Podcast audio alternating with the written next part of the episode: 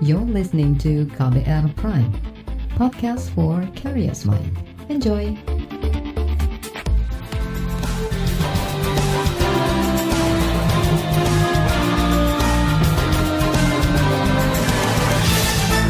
Halo saudara, senang sekali kami bisa menyapa Anda kembali dalam program KBR Sore edisi awal pekan Senin 7 Desember 2020.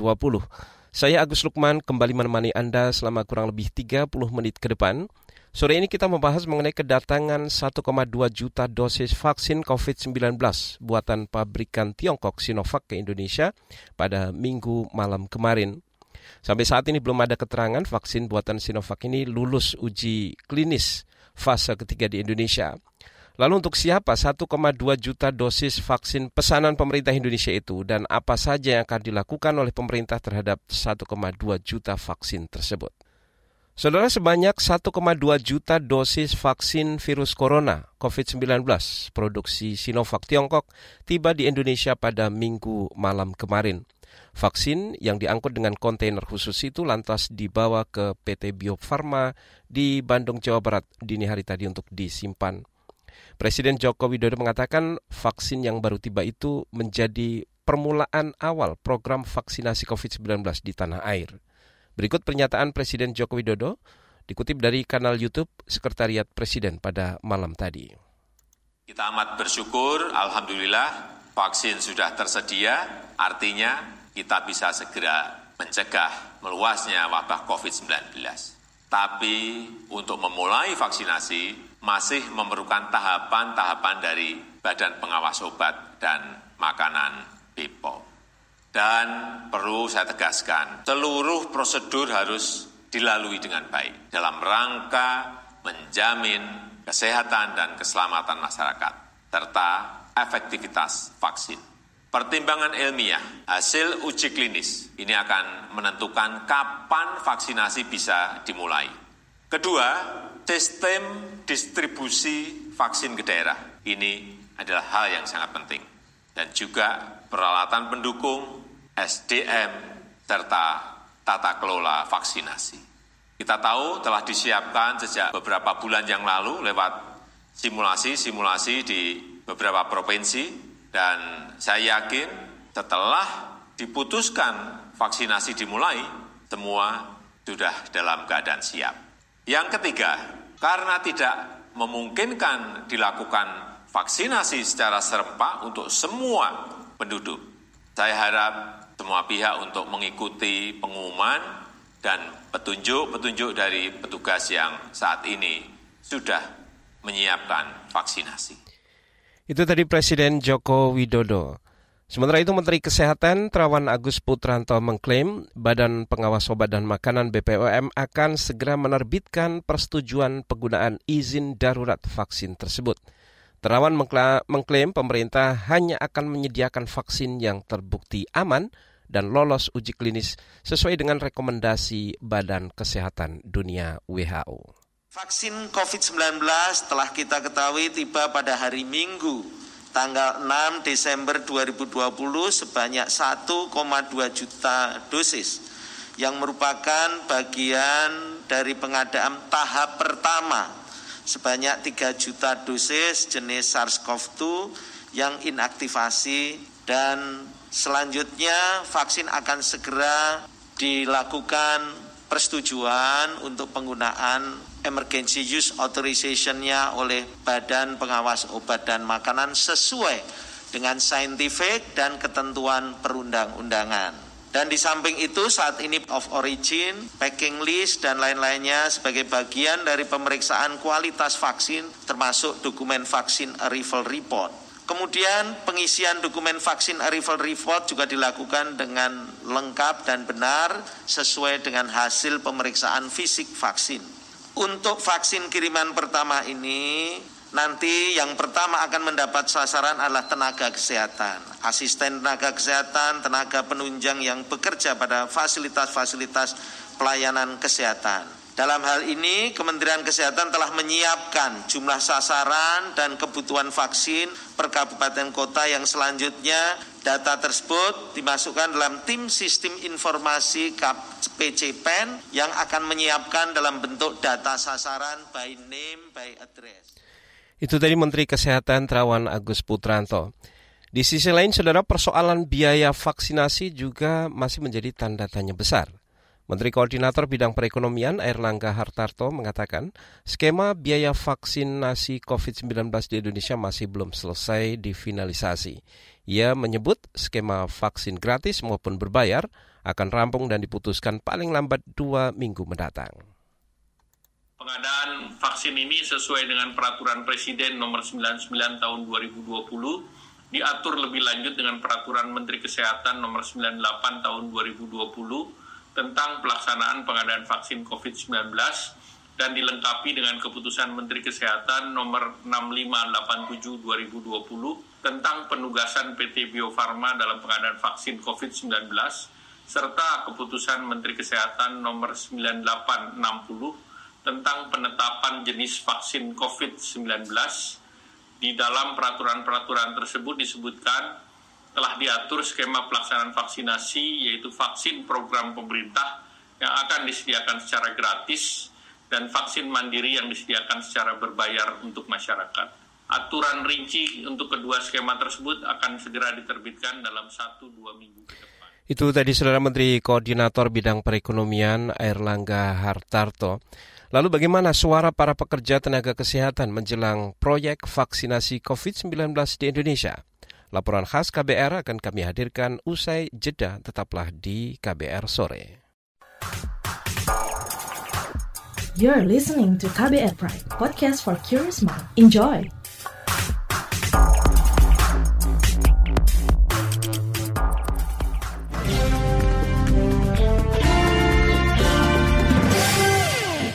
Saudara, vaksinasi COVID-19 sudah di depan mata. Tenaga kesehatan adalah garda terdepan yang akan mendapat prioritas utama. Proses pendataan tengah berlangsung di berbagai daerah. Lalu bagaimana aspirasi para tenaga kesehatan menjelang vaksinasi? Berikut laporan tim KBR dibacakan Fitri Anggraini. Hari sudah melengkapi seluruh informasi sebagai calon penerima vaksin COVID-19. Perawat di Rumah Sakit Rujukan COVID-19 di Magelang, Jawa Tengah ini tak ragu dengan keamanan dan khasiat vaksin yang akan diberikan. Baru ada pendataan siapa-siapa saja yang bakal dapat vaksin itu. Tadi saya sudah menyampaikan ke manajemen rumah sakit tentang identitas saya yang akan menjadi penerima vaksin itu. Terus terang saya tetap percaya dengan vaksin itu. Saya yakin dengan vaksin itu. Hari baru saja terbebas dari virus corona usai terkonfirmasi positif tanpa gejala sekitar dua pekan lalu. Dia menjalani isolasi mandiri di rumah selama 10 hari dan dinyatakan sembuh tanpa tes usap ulang sesuai pedoman Kementerian Kesehatan. Pekan depan, Hari bakal kembali bekerja di zona merah Meski telah memiliki kekebalan alami, dia berharap tetap divaksin pada kesempatan pertama. Keberadaan vaksin membuatnya merasa aman dan nyaman dalam bekerja tetap perlu dilakukan vaksinasi karena belum ada penelitian tentang itu. Walaupun secara keilmuan dulu kalau pernah terpapar virus itu otomatis akan timbul imunisasi alami. Tapi untuk corona ini belum ada laporan itu dari Kemenkes ataupun dari WHO. Fitri, bidan di kota Banjarbaru, Kalimantan Selatan juga sudah didata sebagai calon penerima vaksin COVID-19. Pendataan mencakup seluruh pegawai di puskesmas tempatnya bekerja. kerja. Kemarin itu udah lama tapi mungkin sekitar sebulan atau dua bulan yang lalu gitu. Waktu awal-awal kabar bakal ada vaksin. Jadi semua yang kerja di puskesmas sampai tukang sapunya, tukang jaga parkirnya, satpamnya itu didata, disuruh nulis nama, kirim KTP sama BPJS. Belum ada sih yang pastinya kapan gitu ya hari tanggalnya. Cuman beberapa hari yang lalu ada ngobrol-ngobrol dengan kepala puskesnya katanya yang vaksin itu udah fit katanya. Jadi tinggal nunggu hari tanggalnya kapan. Fitri juga sudah mendapat sosialisasi tentang vaksinasi di kalangan tenaga medis. Meski setuju divaksin, dia masih khawatir dengan aspek keamanannya. Kemarin sempat sih ada ikut kayak seminarnya gitu, jadi percaya. Ada sih dengar-dengar dari kampus langsung itu sudah diuji terus sudah kayak lolos uji gitu katanya. Misalnya emang benar sudah terbukti, boleh lah dikasihkan ke tenaga medis. Tapi kalau misalnya masih coba-coba juga agak khawatir sih ya sebenarnya. Fitri berharap vaksin makin melindungi dirinya saat bekerja di garda terdepan tenaga kesehatan COVID-19 memang harus diprioritaskan sebagai penerima pertama vaksin. Emang kayaknya risikonya tuh emang lebih tinggi ya kalau ini nakes ibaratnya yang di puskes aja sebanyak itu kan yang kena. Apalagi kalau misalnya di rumah sakit yang mereka berhadapan langsung dengan yang benar-benar positif, melakukan apa tindakan-tindakan yang beresiko kayak yang kasih nebul, terus paksa oksigen itu kan beresiko banget tuh. Jadi menurut aku perlu banget perlindungan dan harapannya sih perlindungannya jangan nanggung gitu emang benar-benar udah lolos uji coba. Karena kalau masih nanggung itu kan juga ya percuma kan. Ketua Umum Persatuan Perawat Nasional Indonesia Indonesia PPNI, Harif Fadilah menyebut mayoritas anggotanya bersedia menerima vaksin COVID-19. Namun, ada sejumlah syarat yang harus dipenuhi terlebih dahulu, terutama soal aspek keamanan. Jadi kalau sudah ada declare atau endorse dari BP POM bahwa vaksin ini aman dan mempunyai efikasi yang bagus, maka saya kira siapa pun pasti akan menerima termasuk kita uh, perawat. Kami punya survei internal di perawat ya. Itu sebanyak 84 persen dari responden itu bersedia menjadi orang yang diprioritaskan untuk mendapatkan vaksin. Para perawat telah beberapa kali menerima sosialisasi soal vaksin ini. Bahkan sudah ada ribuan tenaga medis yang dilatih untuk menjadi petugas pemberi vaksin. Namun hingga kini belum ada informasi tentang teknis pelaksanaannya sudah ada koordinasi persiapan-persiapan itu sudah ada dan sosialisasi awalnya sudah ada.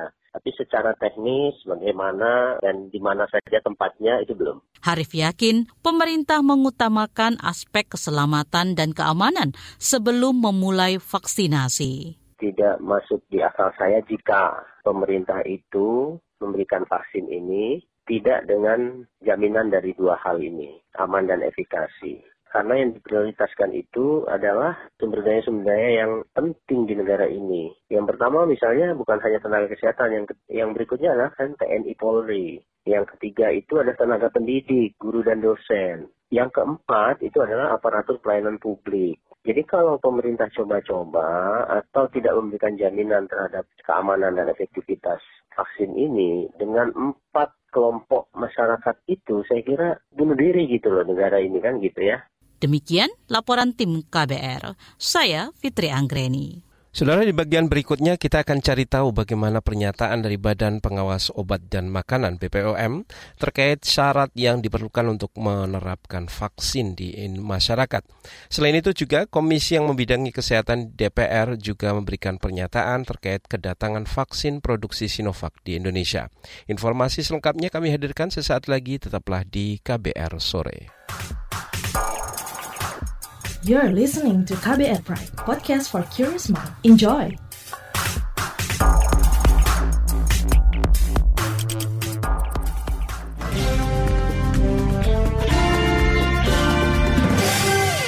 Terima kasih saudara Anda masih bersama kami di KBR Sore. Saudara, meskipun 1,2 juta dosis vaksin produksi Sinovac sudah tiba di Indonesia, namun Badan Pengawas Obat dan Makanan belum mengeluarkan izin edar resmi atas vaksin itu. BPOM masih menunggu pedoman dari Badan Kesehatan Dunia WHO mengenai pemberian izin edar darurat vaksin COVID-19. Berikut pernyataan Direktur BPOM Penny Lukito saat konferensi pers pengawalan BPOM terhadap vaksin COVID-19 pada November lalu. Untuk mutu kami sudah mendapatkan data yang cukup ya tentunya juga dengan kedatangan dari tim inspeksi ke Cina ya tim tim Badan POM bersama dengan Kementerian Kesehatan juga bersama dengan MUI ya untuk aspek kehalalan Bio Farma. Badan POM melakukan inspeksi. Yang pada intinya adalah untuk melihat fasilitas produksinya apakah memenuhi standar cara produksi obat yang baik. Kemudian tentunya juga berbagai data-data yang dikaitkan dengan mutu melihat mulai dari proses bahan baku sampai dengan bagaimana proses produksinya pelabelan pengemasan dan sebagainya. Itu datanya lengkap, berhasil mendapatkan data-data yang cukup dan inspeksi langsung ke fasilitas dan menunjukkan bahwa data-data sudah menunjukkan baik ya. Jadi mutu bisa kita jamin bahwa mutunya baik. Nah, dikaitkan dengan keamanan dan khasiat adalah dapatkan data tersebut tentunya dari fase 1 2 di Cina dan juga fase 3 yang sudah berjalan di Bandung dalam hal ini. Nah, untuk mendapatkan emergency authorization sudah ada juga kesepakatan di, yang diberikan oleh WHO ya. Jadi dalam hal ini tentunya persyaratan untuk emergency authorization tidak dikarang begitu saja oleh Badan POM sendiri, tapi tentunya berdasarkan referensi pedoman yang diberikan oleh WHO dan pedoman itu juga tentunya bergerak dengan situasi pandemik yang terus, pembelajaran yang terus menerus kita dapatkan selama masa pandemik ini. Berdasarkan kesepakatan yang terakhir pada bulan November awal ya menyebutkan bahwa kita menyepakati bersama artinya adalah WHO bersama dengan otoritas-otoritas regulatori obat termasuk juga US FDA, Indonesian FDA tentunya, EMA itu untuk dari European jadi artinya adalah seluruh negara-negara yang juga strict dalam hal melakukan terhadap standar mutu dan khasiat dari uh, produk obat dan vaksin yang beredar. Kita menyepakati bahwa untuk mendapatkan emergency authorization data yang diperlukan sedikitnya ya karena memang ini adalah percepatan penggunaan dalam suatu kondisi yang pandemi di mana juga perhitungan dikaitkan dengan risiko dan manfaat yang diberikan lebih kita besar pada manfaatnya dalam pertimbangan yang tentunya diberikan oleh para expertnya. Data tapi tetap harus ada yang dikaitkan dengan khasiat dan keamanan sehingga prasyaratnya adalah minimum harus ada data hasil uji klinik fase 1 dan 2 full report 6 bulan e, dikaitkan dengan aspek keamanan dan efikasi yang menunjukkan baik plus dengan interim analisis dari fase ketiga. Interim analisis itu sekitar 3 bulan ya setelah penyuntikan terakhir. Itu tadi saudara Direktur Badan pengawas obat dan makanan BPOM Penny Lukito. BPOM rencananya baru akan memberikan pernyataan resmi mengenai kedatangan 1,2 juta dosis vaksin pada sore ini. Sementara itu, fraksi Keadilan Sejahtera PKS di DPR meminta agar pemerintah menyampaikan informasi terkait kedatangan vaksin COVID-19 produksi Sinovac Indonesia itu secara utuh dan jelas – Anggota fraksi PKS DPR, Ledia Hanifa, mengatakan informasi vaksin harus disertakan dengan kepastian ada izin edar dari BPOM serta status kehalalan vaksin.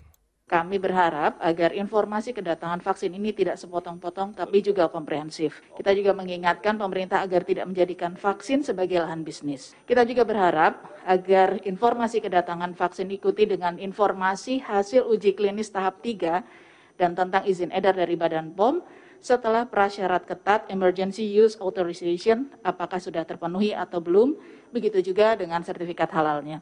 Semangat dan optimisme kita di dalam melang, perang melawani pandemi ini memang perlu digaungkan. Namun agar keselamatan rakyat juga menjadi hal yang utama. Agar informasi yang disampaikan komprehensif, jelas, dan valid. Itu tadi saudara anggota fraksi PKS di DPR Ledia Hanifa Amalia. Dorongan serupa juga disampaikan anggota fraksi Partai Amanat Nasional DPR Saleh Partaunan Daulai yang mendorong pemerintah agar juga dapat melakukan distribusi vaksin secara baik ke seluruh Indonesia. Di bagian berikutnya, saudara kami hadirkan perbincangan dengan ahli vaksin dari Lembaga Biologi Molekuler Eijkman Jakarta terkait prosedur tetap penanganan vaksin dan langkah-langkah apa yang harus dilakukan oleh pemerintah terhadap hadirnya vaksin virus corona yang belum lolos uji klinis tersebut. Wawancaranya akan kami hadirkan sesaat lagi, tetaplah di KBR Sore. You're listening to KBR Pride, podcast for curious mind. Enjoy!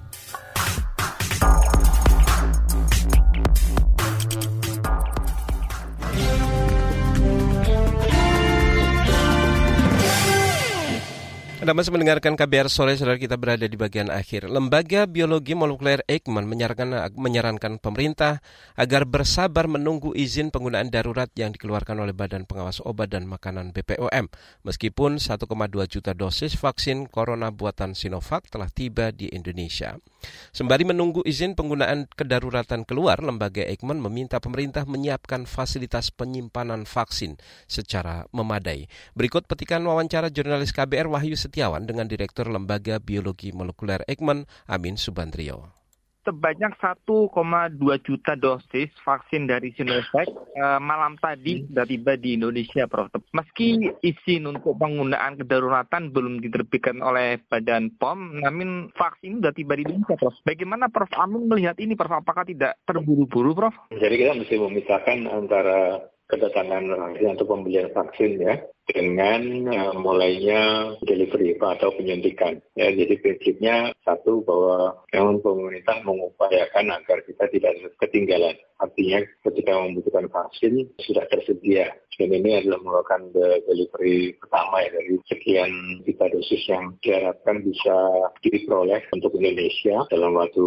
dekat ini. Tetapi yang kedua, di sisi lain kita mesti tetap menunggu approval dari Badan POM. Karena intinya adalah semua produk obat maupun makanan, termasuk vaksin, yang akan diberikan ke orang Indonesia, itu harus mendapat uh, izin dari Badan POM. Nah, saya kira saat ini Badan POM, walaupun vaksinnya sudah datang masih terus melakukan pengkajian terhadap dokumen-dokumen yang ada. Dan menurut informasi tentu akan dalam waktu relatif dekat ya tapi saya kira tidak langsung diberikan. Jadi kita masih menunggu adanya kemungkinan adanya emergency use authorization dari Badan POM untuk vaksin Sinovac ini sebelum bisa diberikan. Sedangkan izin edar yang tetap itu kemungkinan baru bisa diberikan setelah uji klinik fase 3 di Bandung itu selesai. Bagaimana Prof? Sebenarnya step by step dari vaksin itu laporan kemudian Badan POM mengeluarkan izin kedaruratan Prof? Ya, ada beberapa persyaratan untuk Badan POM bisa mengeluarkan izin edar itu. Jadi izin edar yang darurat itu yang EUA, Emergency Use Authorization itu kan diberikan sebelum uji kliniknya selesai. Ya, jadi berdasarkan namanya interim report. Tetapi juga tidak begitu saja bisa diberikan karena harus ada persyaratannya. Satu, itu situasinya memang emergency. Ya sesuai dengan namanya izinnya kan uh, emergency use authorization. Jadi ada situasi emergency yang membutuhkan obat atau bahan tersebut untuk digunakan. Yang kedua, sudah ada laporan mengenai efficacy dan safety dari produk tersebut dari uh, manufakturnya. Dan ketiga, saat ini belum ada alternatif lain untuk obat tersebut atau vaksin tersebut. Jadi itu uh, persyaratannya. Saya kira Badan POM sedang pelajari semuanya. Dan untuk yang Sinovac ini kita kita ketahui bahwa timnya Badan POM pun ya didampingi dengan timnya dari LP POM MUI sudah mengunjungi pabriknya di Cina sana ya. Itu tadi saudara Direktur Lembaga Biologi Molekuler Ekman Amin Subandrio. Perbincangan tadi saudara mengakhiri jumpa kita di KBR Sore edisi awal pekan Senin 7 Desember 2020. Pantau selalu informasi terbaru melalui situs kbr.id, Twitter kami di akun @beritaKBR serta podcast di alamat kbrprime.id. Jangan lupa untuk menerapkan protokol kesehatan dengan 3M, memakai masker, menjaga jarak, dan mencuci tangan secara rutin dengan sabun. Saya Agus Lukman bersama tim yang bertugas undur diri. Salam.